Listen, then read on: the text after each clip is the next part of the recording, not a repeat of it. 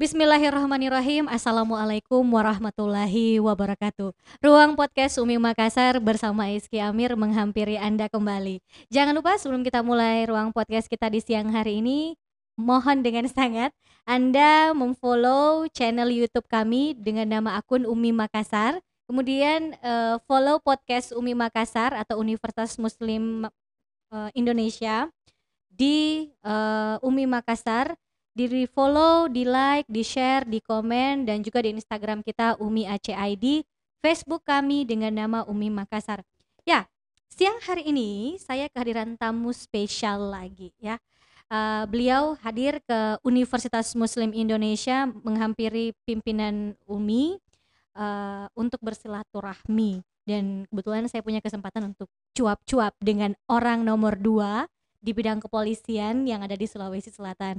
Beliau adalah Bapak Brigjen Polisi Dr. Andes Halim Pagara SH, eh MH, mohon maaf, selaku Wakapolda Sulawesi Selatan. Assalamualaikum Bapak Halim. Waalaikumsalam warahmatullahi wabarakatuh. Gimana kabarnya Pak hari ini? Alhamdulillah sangat sehat, berkah Tuhan Allah Subhanahu wa taala. Amin. Amin. Pak, uh, menjadi Wakapolda Sulawesi Selatan sejak kapan? Kemarin saya dilantik oleh Kapolda tanggal 17 Februari. Mm -hmm. Jadi lebih kurang sebulan ini saya sudah menjabat sebagai Wakapolda. Sebulanan ya yeah. lebih di Sulawesi Selatan. Alhamdulillah. Tapi memang Bapak asli Sulsel? Alhamdulillah asli Tulen. Tulen. Dari Bontonompo Bapak, uh -uh. di Bunea, kemudian Ibu dari Polong Bangkeng, Takalar. Oke, okay, oke. Okay. Nah, saya mau langsung ke to the point aja. Bapak uh, ke UMI ini ngapain, Pak? Uh, saya bersama tadi Ketua IKA, Pak Julkarnain Arif. Kemudian saya juga ingin bersilaturahmi dengan rektor dan seluruh petinggi-petinggi UMI untuk bersilaturahmi menambah eh, rekan-rekan yang ada di UMI karena saya juga ini mantan di UMI tahun oh. 82 pernah kuliah di UMI di teknik sipil. Oh. dua semester. Jadi alumni UMI juga nih ya. Alhamdulillah. Pernah mengenyam dunia pendidikan di UMI di waktu gedung yang lama di Jalan Cendrawasih. Uh, ini kan sekarang lagi heboh sebenarnya uh, masalah-masalah yang memang butuh penanganan khusus di bidang keamanan. Yeah. Kemarin kita lihat beberapa informasi soal omnibus law, Pak, yeah. yang banyak didemo oleh beberapa pihak. Yeah. Itu seperti apa? Polda dalam hal ini uh, di Sulawesi Selatan mengatasi hal-hal semacam ini.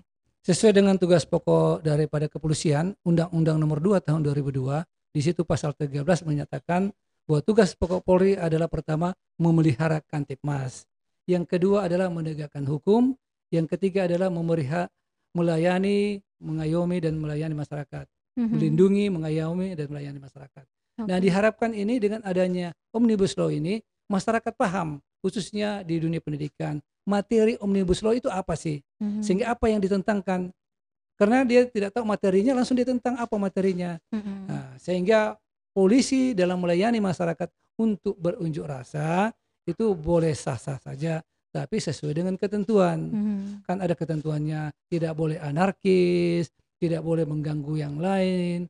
Nah, ini kita harapkan bisa menyampaikan aspirasi kepada pimpinan pemerintah tapi sesuai dengan ketentuan undang-undang. Kalau bercerita soal dunia kampus nih, Pak. Hmm. Anak-anak kan biasanya sering melakukan kegiatan kumpul di jalan ya. Hmm. Katakanlah demonstrasi karena ada sesuatu hal Nah, menghadapi teman-teman mahasiswa ini, Iya.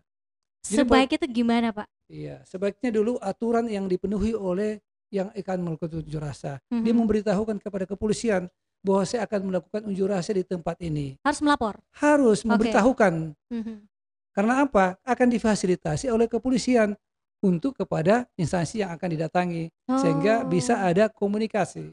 Jadi ini sebenarnya harus melapor gitu ya. Memberitahukan. Oh, memberitahukan hmm. kalau memang akan ada aksi seperti ini Benar. supaya dikawal gitu iya. ya. Dan ada ketentuannya tidak mengganggu ketertiban atau yang lain. Nah, waktu-waktunya juga sudah ditentukan. Ada waktunya, Pak? Ada waktunya.